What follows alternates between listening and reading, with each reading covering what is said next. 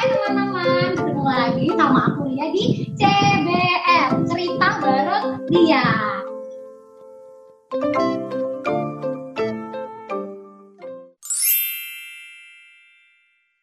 Senang banget boleh ketemu lagi sama teman-teman setelah seminggu tidak ketemu. Dan hari ini kita akan kembali bercerita-cerita, berbagi tentang hal-hal yang memang kita sedang alami. Dan hari ini kita akan diskusi tentang yang pengurus-pengurus di sekolah, di kampus kebingungan gimana gitu ya, yaitu regenerasi pengurus secara online. Bisa nggak sih dikerjakan gitu ya? Karena kan kita mungkin akan panjang nih liburnya ya. Gitu. Jadi gimana kita tetap menjaga kontinuitas kontinuitas pelayanan kita. Dan hari ini aku nggak sendirian tentu saja kita mengundang beberapa teman-teman gitu ya yang akan berbicara bersama dengan kita hari ini. Dan kita langsung saja panggil, Hai Esther. Halo, hai. Kemudian uh, ada juga uh, Paulina. Hai Paulina. Dia bersama dengan aku. Kemudian kita juga panggil ada Vivi. Hai Vivi. Halo. Dan tentu saja satu-satunya pria di hari ini paling tampan dan memang dia tampan gitu ya teman-teman. Kita panggil Garin. Hai. Halo Garim. Halo Garim. Yo. Thank you teman-teman boleh bergabung memberi diri hari ini di CBR bercerita-cerita bareng aku, gitu kan? Um, teman-teman boleh kenalan dulu ya, kenalan dulu dari yang sebelah saya. Aku Paulina, aku itu alumni SMA 11 Kabupaten Tangerang. SMA 11 tahun. Sekarang kesibukannya apa, Paulin? Lagi mempersiapkan diri untuk. Semua juga mau. Emang kalian yang mau ke belakang? Eh, ke depan tuh mau ngapain gitu Mau loh. ambil kedinasan, lagi latihan sama belajar. Semangat Paulina. Paulina. Tapi sejak salam kenal Paulina. ya, pelayan di siswa. Hmm, masih TPS. jadi TPS sama visitor SMA 11 juga. Oke. Nanti Paulina itu tim pendamping siswa. Pembimbing. Pembimbing, maaf. mengoreksi saya, silakan langsung ngomong diri.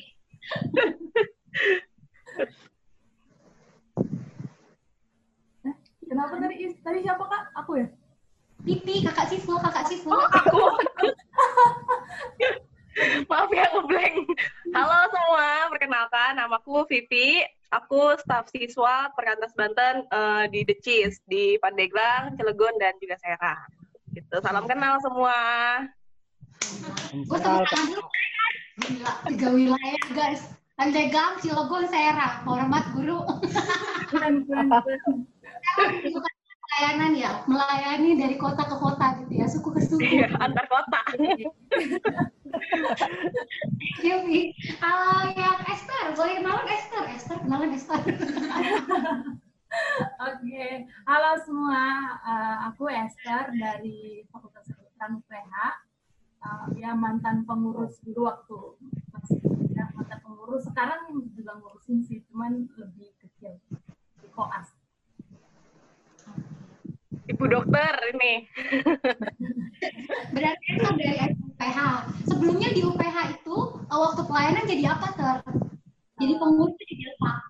Jadi ketua sih waktu itu. Oh, ketua gitu ya. Wah. Berarti sekarang kerjanya pendampingan ya? Iya, Pendampingan sekarang mendampingi yang lagi regen. Berarti sekarang lagi koas dong? Lagi koas kak. Oh, kita. Oke, pria satu-satunya silakan kenalan. Ya, perkenalkan nama saya Garin Blinio Meliala dari mahasiswa Universitas Sultan Ageng Tirtayasa jurusan Teknik Mesin. Kenal. Terus pelayanannya apa, Rin? Oh, sekarang jadi pengurus PMK di Untirta, Kak. Jabatannya apa ya? Eh, ya, jabatannya saya sebagai ketua periode sekarang. Oh, ketua, hormat Pak Ketua. Ya ini di sini ada mantan ketua dan Pak Ketua. Ya di sini ketuaan ada juga. Bukan saya. gitu. Kamu. uh, mau tanya dulu nih, gimana sejauh ini kalian mengerjakan pelajaran semua itu? Kan sekarang berarti pelayanan kita semua beralih dong ya online gitu ya, gara-gara corona ini gitu.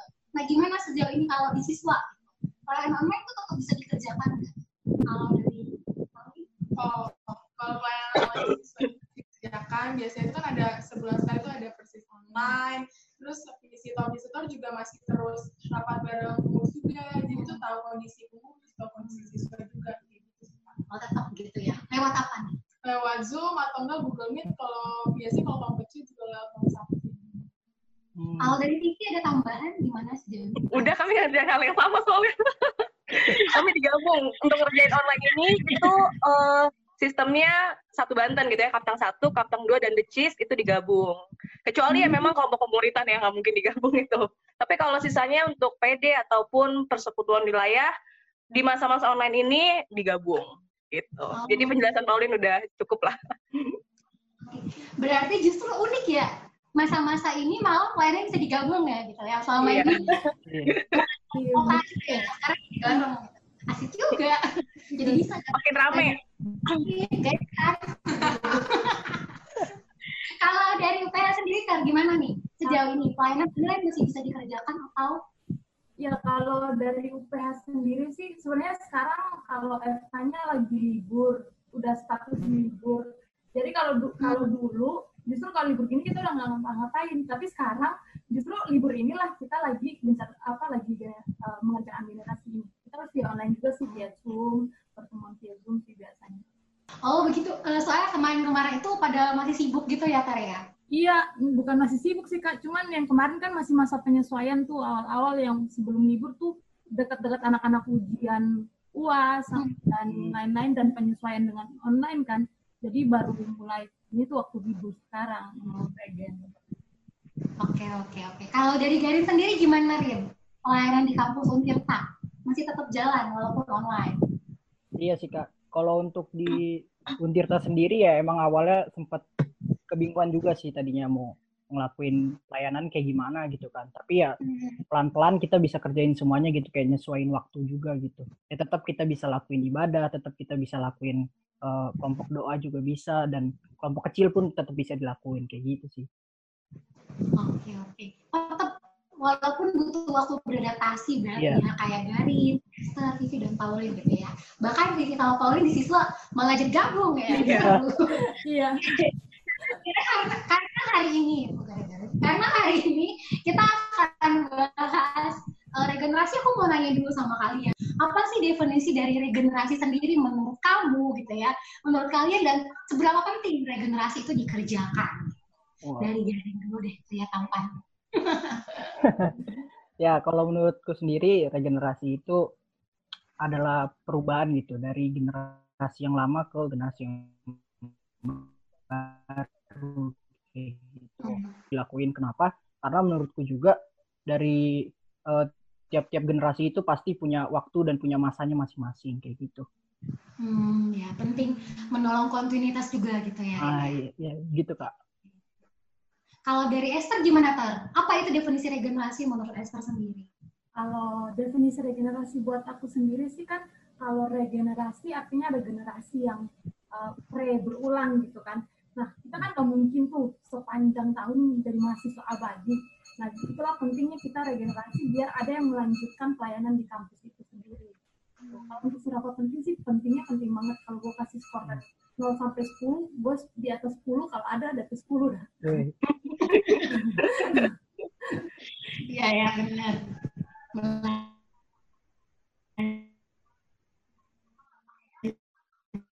Melanjutkan tongkat lain. Baru itu ya sama mempersiapkan pengurus, penggantian pengurus gitu ya.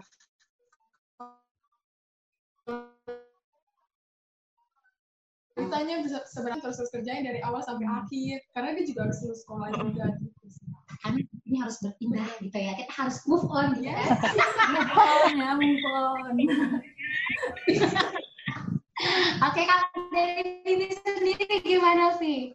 Iya, sebenarnya jawaban teman-teman udah diambil semua ya. Benar gitu. Regenerasi itu pergantian gitu ya dari generasi satu ke generasi selanjutnya. Tapi kalau dibilang kenapa penting, ya itu sangat penting. Ada penyegaran dan yang lain juga bisa belajar hal yang sama. nggak mungkin kan yang tadi Paul bilang gitu ya nggak mungkin uh, yang tua-tua terus yang memimpin yang mengurusi persekutuan ataupun uh, organisasi hmm. tapi harus ada pergantian supaya ada penyegaran gitu ya ya waktunya yang benar. Dalam diskusi tadi aku bisa simpulin gitu ya. Regenerasi itu tuh kayak proses ini ya penggantian gitu ya. Membangunkan menyegarkan kayak Vivi bilang dan itu penting banget demi kestabilan dan kontinuitas gitu ya. Kalau nggak begitu bisa terus bertumbuh ya. Orang-orang baru itu nggak bisa mengeluarkan potensinya gitu.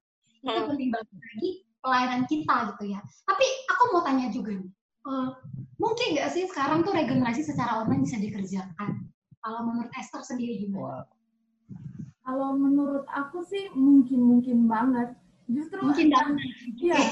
Justru entah kenapa ya regenerasi versi online ini tuh jadi kita jadi lebih banyak spend time bareng gitu. Kalau buat maksudku buat aku ya apalagi aku koas terus dampingin adik-adik yang uh, apa namanya yang jauh kan kalau kalau ketemu langsung tuh dulu mau rapat ketemu langsung susah banget sekarang via online kan kayak mau malam pun mau jam 7 jam 8 pun kayak bisa bisa aja sih sebenarnya Oh gitu, justru waktu kalian lagi offline itu malah lebih sibuk ya Bu Dokter ya? Iya, lebih, lebih susah ketemu gitu. Kapan waktunya kita bisa ketemu? Sekarang lebih gampang buat ketemu justru. Baik. Tapi sekarang juga mulai kerjain regenerasi online nggak kalau untuk di UPH sendiri? Iya. Sekarang sih kita lagi kerjain regenerasi online sih. Hmm, ngapain? Apa yang kalian lakukan untuk kerjain regenerasi online? Uh, kalau kita lakuin kan karena semua versi online, jadi kita approach anak-anak, approach anak-anak yang uh, yang juga itu pelayanannya via online semua. Tapi kita bikinnya pendampingan satu, jadi ada pengurus satu pengurus yang mendampingi mendampingi hmm. anak-anak uh, yang mau mau menjadi pengurus selanjutnya. Terus ya paling pertemuan dengan kita uh, bakal ada sharing session gitu juga. Jadi hmm. alumni-alumni yang sudah ini ini bakal hari Sabtu nih. Hari Sabtu kita bakal sharing session. Jadi kita bikin beberapa part sih. Jadi kita bahas beberapa poin-poin yang penting uh, kita kas, uh, apa ya bahas bersama, sharing bersama uh, apa pengurus selanjutnya. Oke oke. Berarti beberapa hal memang baik justru dikerjakan bisa gitu ya. Iya. Dan lepas dari kakak-kakak rekan-rekan alumni juga yang menemani kalian menolong itu ya.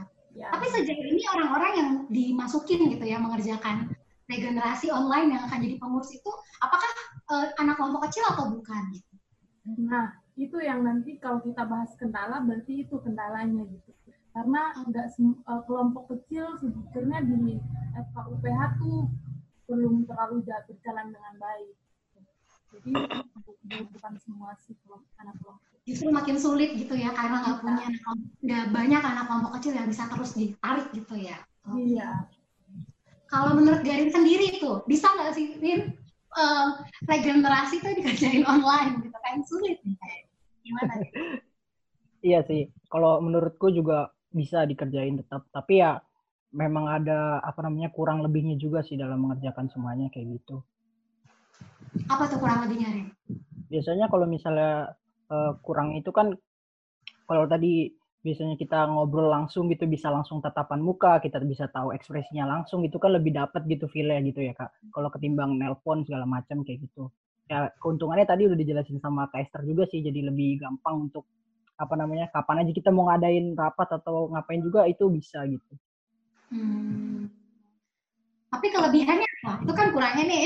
Kalau lebihnya itu kan tadi lebihnya itu bisa kapan aja gitu kita mau malam hmm. juga jadi, pagi juga jadi, siang juga jadi kayak gitu. Berarti lebihnya itu malah lebih fleksibel gitu ah, ya. Fleksibel. Gitu, Tapi secara khusus Untirta udah mulai mengerjakan regenerasi online belum? Untirta tuh kapan ya? Kalau untuk Untirta sih belum kak sampai saat ini. Belum belum melakukan regenerasi, belum. Biasanya tuh kapan, Rin? Targetnya itu di awal Juli kita mulai ngerjain semuanya. Oh, awal Juli. Iya. Dan fix pengurus tuh kapan biasanya? Pengurus sih sebenarnya untuk regenerasi selanjutnya masih kita bicarain juga sih. Untuk timeline timelinenya juga masih di masih dibahas-bahas juga. Gitu hmm. paling. Tapi Garin ini jadi pengurus mulai kapan? gue kayak interogasi gitu ya interogasi nggak puas banget gitu ya maksudnya mulai ngurus gimana kak maksudnya mulai ngurus gimana kan uh, Garin juga dua, dua tahun kepengurusan gitu. Maksudnya yang pengurus sekarang atau pengurus sebelumnya? Sekarang jadi ketua mulai kapan gitu loh bapak ketua? Uh, Februari kak. Februari. Baru sebulan jadi pengurus sudah dihalangi dengan corona. Baru Februari ya? Iya. Coronaan coronaan gitu ya. Oke. okay. Berarti uh, mulai siapin itu justru enam bulan sebelum ya gitu ya berarti kan kalau Februari kalian pengurus uh, sahnya gitu ya mulai bekerja dari hmm. bulan Juli diselesain gitu ya dimulai dikerjain berarti hampir kurang lebih enam bulan sebelum gitu ya pelayanan dimulai kalian mulai kerjain regenerasi oke okay. iya. kalau sebelah gimana? Ya mungkin banget sih kan maksudnya kan sekarang lagi serba online juga gitu ya. Hmm. mungkin karena sulit banget gitu buat ketemu buat kerjaan regenerasi secara offline. Yang mungkin banget untuk dikerjain secara online. Gitu sih. Mungkin banget. Mungkin. tapi sejauh ini kalian kamu di Kapang ya? Kabupaten Tangerang. Itu lagi kerjaan regenerasi apa? Sebenarnya sih belum karena kami juga nunggu ini kan data-data siswa yang baru oh. masuk. Jadi kami mungkin sejauh ini akan tunggu datanya. Mungkin uh, sharingnya juga paling yang kelas 11 sama kelas 12 oke okay. tapi waktu kalian mengerjakan regenerasi itu apa sih tahapan-tahapan yang kalian lakukan Oh, tahapannya itu biasanya itu kita tuh evaluasi dulu bareng-bareng hmm. ngurus. Hmm. Habis kita evaluasi mungkin mulai dari jauh-jauh tuh udah kepikiran nama-namanya setelah kepikiran nama-namanya tuh kita mulai doain oh. baru kita ajak ketemu mungkin kita, kalau online kan kita ajak telepon hmm. sharing di beban itu sih terus habis itu mereka juga mulai kita ajak doain dan akhirnya kita tunggu konfirmasi dari dia oh gitu berarti pertama itu kan sebenarnya kita juga lihat-lihat gitu ya iya. orang-orang ya. ini yang menurut kriteria gitu ya dan aku melihat makin doain kita ya. tanya Tuhan orangnya tepat atau enggak bagus baru melakukan PDKT selanjutnya. kakak TV, gimana kakak yang pelayanannya tuh seantero berantem ajarin kami? Apaan sih? Gimana terbang dari sini ke sana ya gitu ya? kenapa tuh? Kenapa tuh? Ya regenerasi online mungkin nggak sih Vi dikerjakan? Ya uh, sangat mungkin gitu ya, sangat mungkin untuk dikerjakan karena sega, sekarang tuh segala sesuatunya dikerjakan online gitu. Pelayanan-pelayanan kita uh, dikerjakannya online. Hmm. berarti kan regenerasi itu sebenarnya salah satu bagian dari pelayanan kita gitu di dalam pelayanan kita. Yang pasti juga tentunya bisa dikerjakan online gitu. Tapi sejauh ini Vivi juga lagi kerjain atau uh, sebenarnya sebenarnya kalau untuk secara timeline, kalau pengurus Rokris itu biasa di akhir tahun, akhir tahun sampai awal tahun. Jadi setiap Rokris memang beda-beda sih. Ini ya uh, timeline uh, pergantian pengurusnya. Ada yang Januari atau Februari, ada yang udah mulainya November, Desember gitu. Hmm. Tapi ya sejauh ini berarti uh, sebenarnya sedang menyiapkan yang yang yang urgent adalah penyambutan sih gitu. Hmm. Tapi kalau kenapa tuh kenapa kenapa gempa gempa. Kalau mau nanya ini kalau Vivi sendiri uh, maaf ya gue masih ketawa.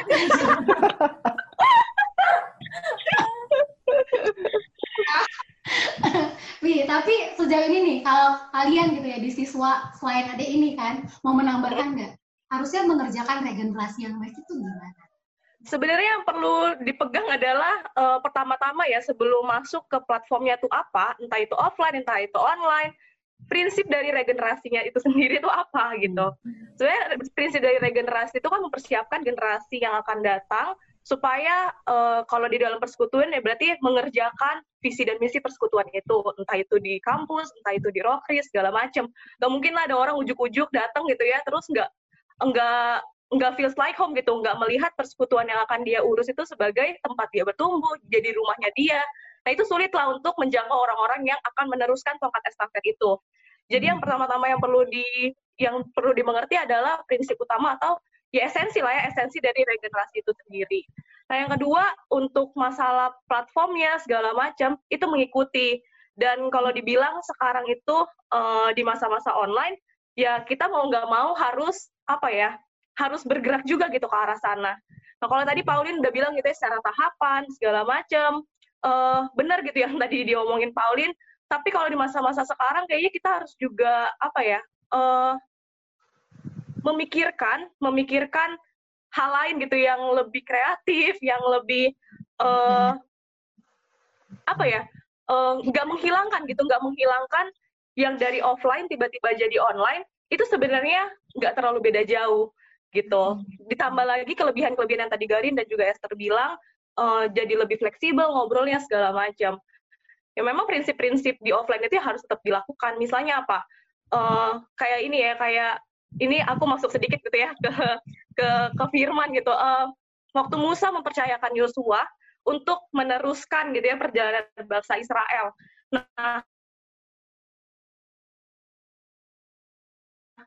itu kan sebenarnya Musa uh, di sana ada namanya tuh kalau kita biasa sebut ya sharing beban, membagikan, mentransferkan visi itu gitu ke ke orang yang uh, man to man.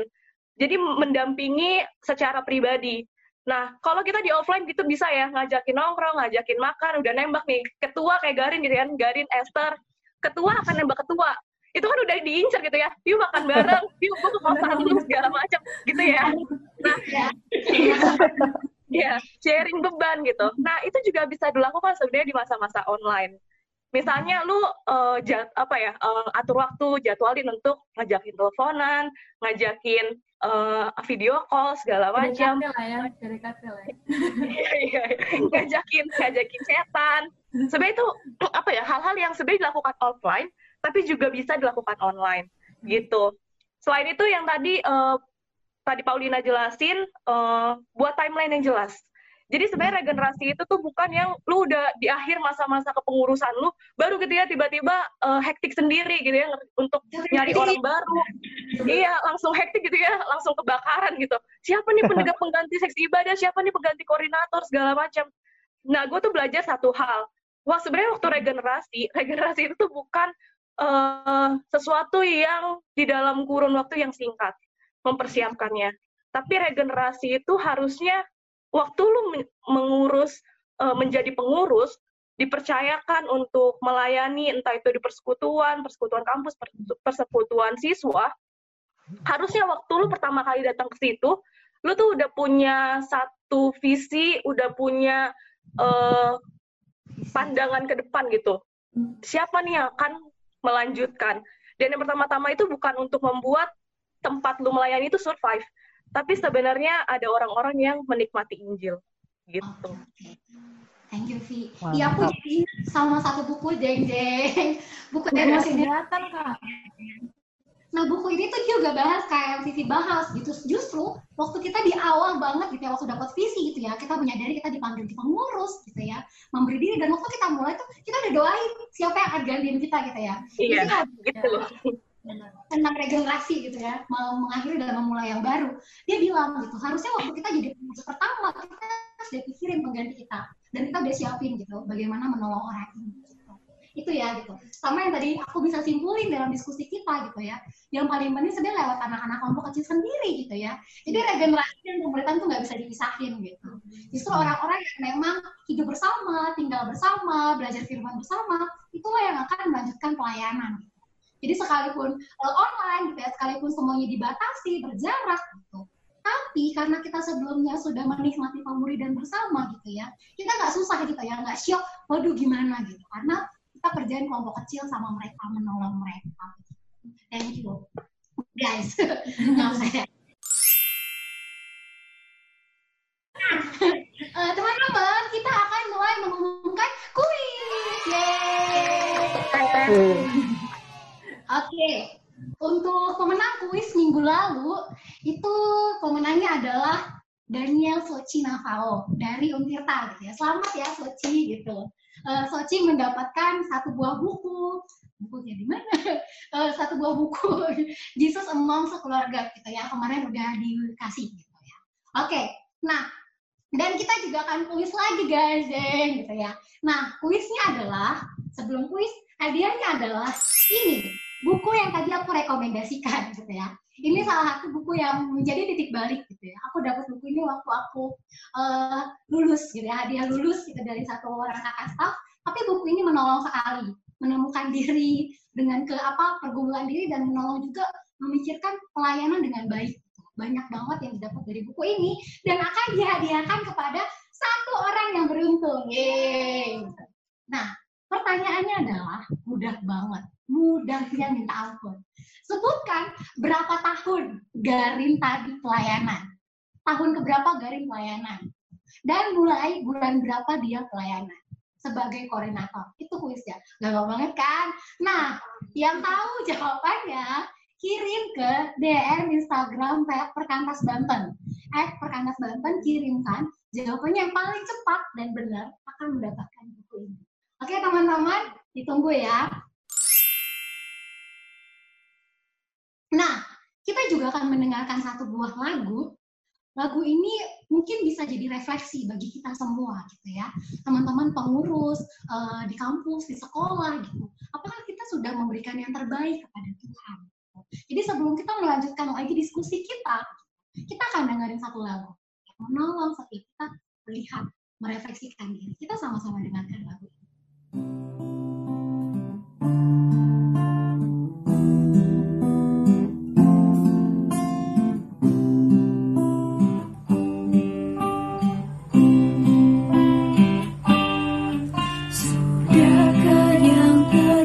terbaik ku berikan kepada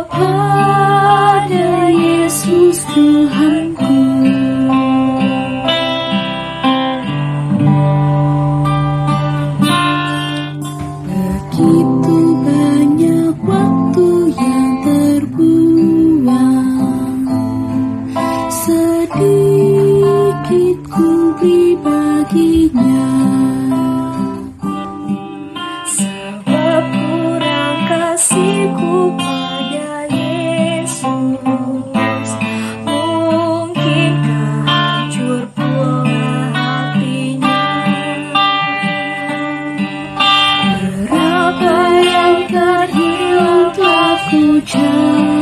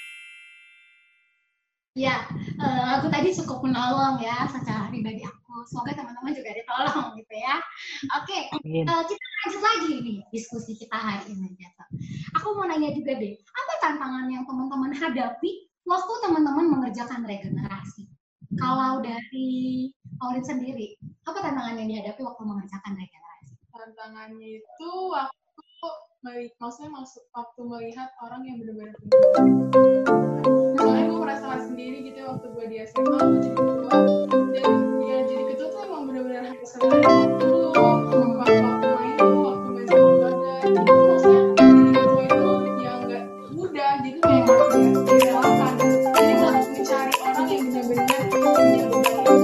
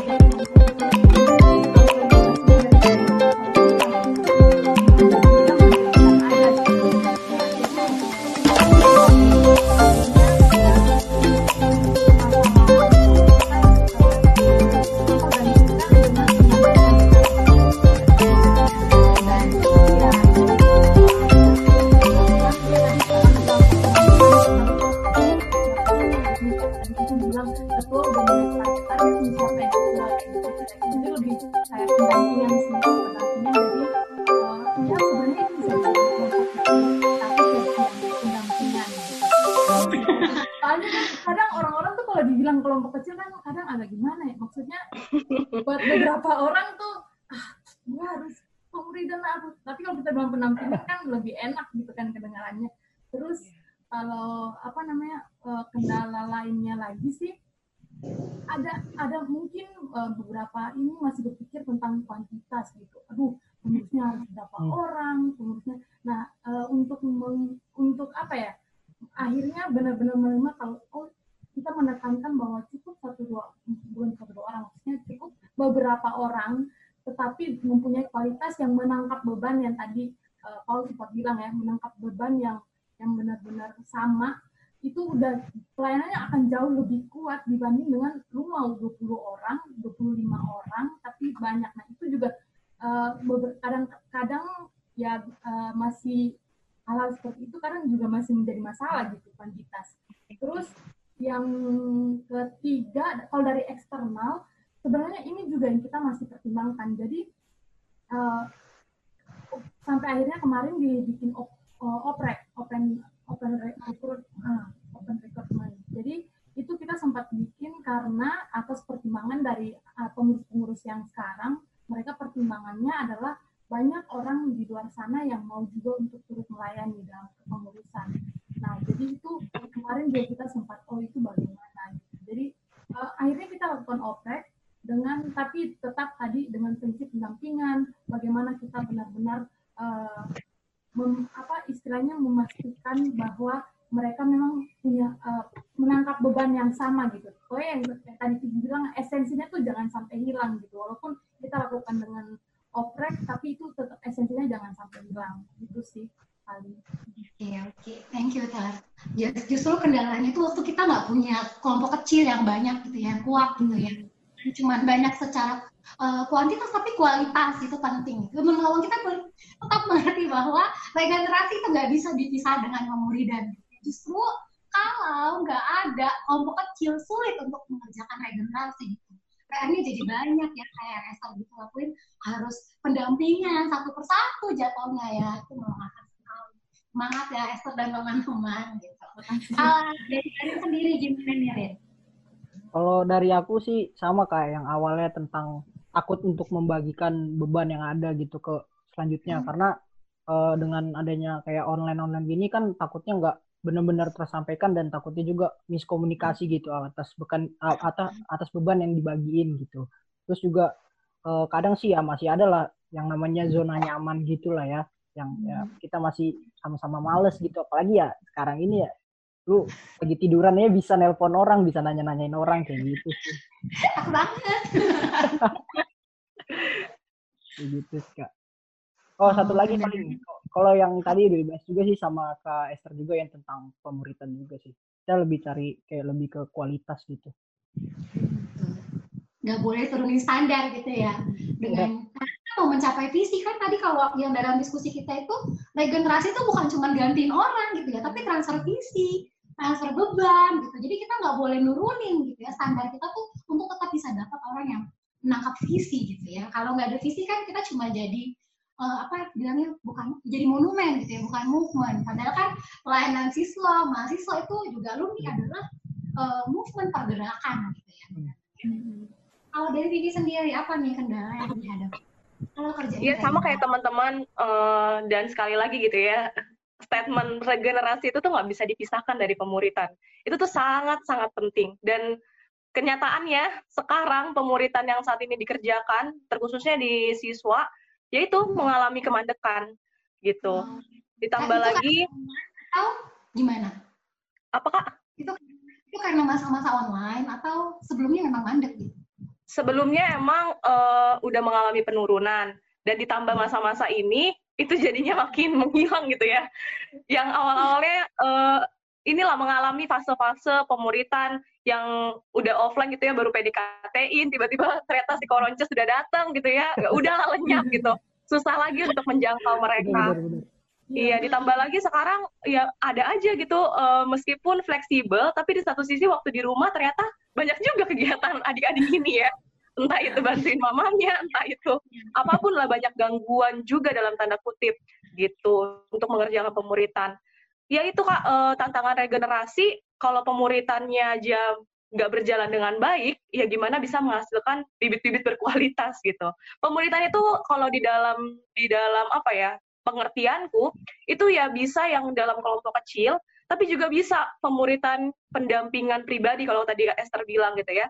Yang sama uh, sebenarnya prinsipnya adalah uh, kayak yang Grand Skadon bilang gitu di, di bukunya Generasi Penuh Hasrat ini di halaman 139 sampai 141 prinsip dari regenerasi itu kan ya saya lakukan kamu melihat saya lakukan kamu menolong kamu melakukan saya menolong dan kamu lakukan saya melihat gitu.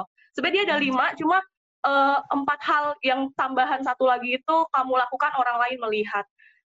Prinsip-prinsip regenerasi ini itu dikerjakannya di mana ya di dalam kelompok kemuritan entah atau ataupun pemuritan pribadi gitu. Tantangannya ya sekarang pemuritan kita sedang lagi ya begitulah, lagi goyah gitu. Oh gitu ya. Baik baik baik. Oke. Okay. Ya ya thank you sih. Kalau aku ke Vivi lagi nih, kan dia kan flyernya ujung semuanya udah tinggi ya ke kota-kota, lembah-lembah gunung ah udah terbang ya kak. Udah terbang. Aku aku tinggalkan demi pemuridan gitu kan. Mau nanya uh, ada nggak sih Vi, secara ini ya firman atau uh, bagian-bagian di Alkitab ya yang Vivi tahu yang mendasari tentang regenerasi sendiri?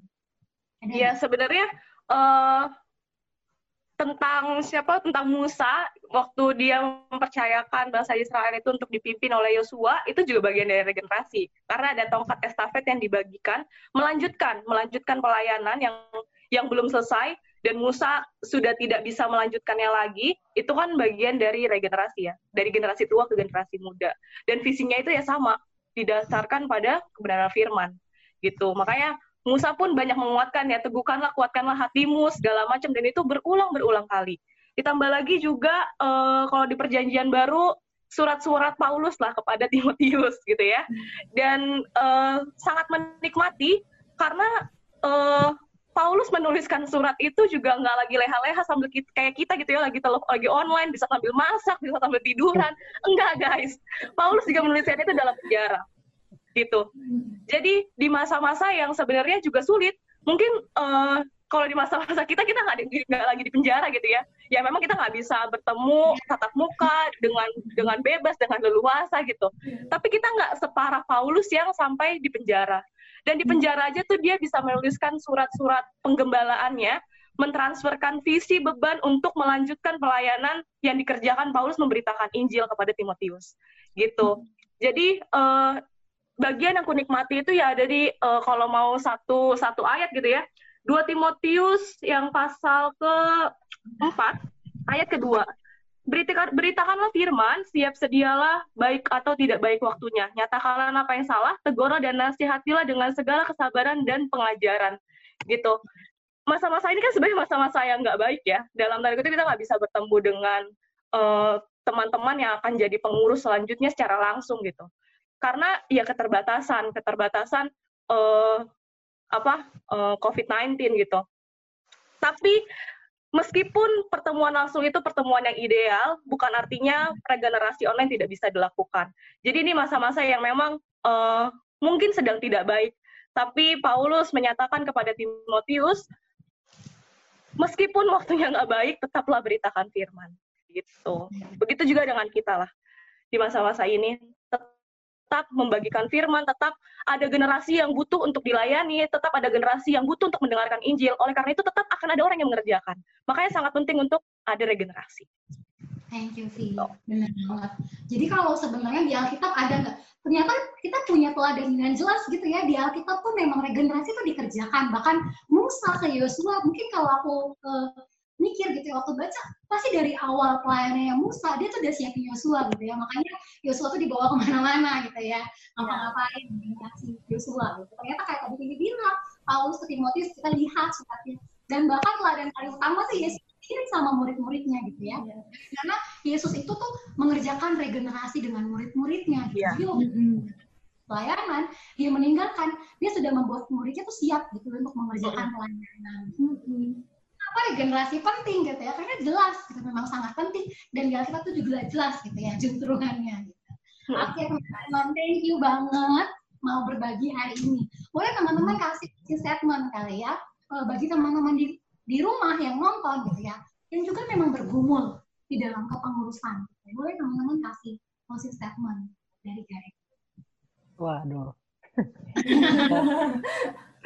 ya mungkin closing statementnya buat teman-teman semua uh, kita sama-sama ngelakuin pelayanan ini mungkin secara online kita sama-sama ngelakuin regenerasi ini juga secara online ya banyak mungkin tantangan yang bakal kita hadapin tapi satu hal sih kita harus percaya sama Tuhan gitu kalau itu bakal pimpin kita juga dan percaya kalau misalnya semuanya itu akan indah pada waktunya gitu.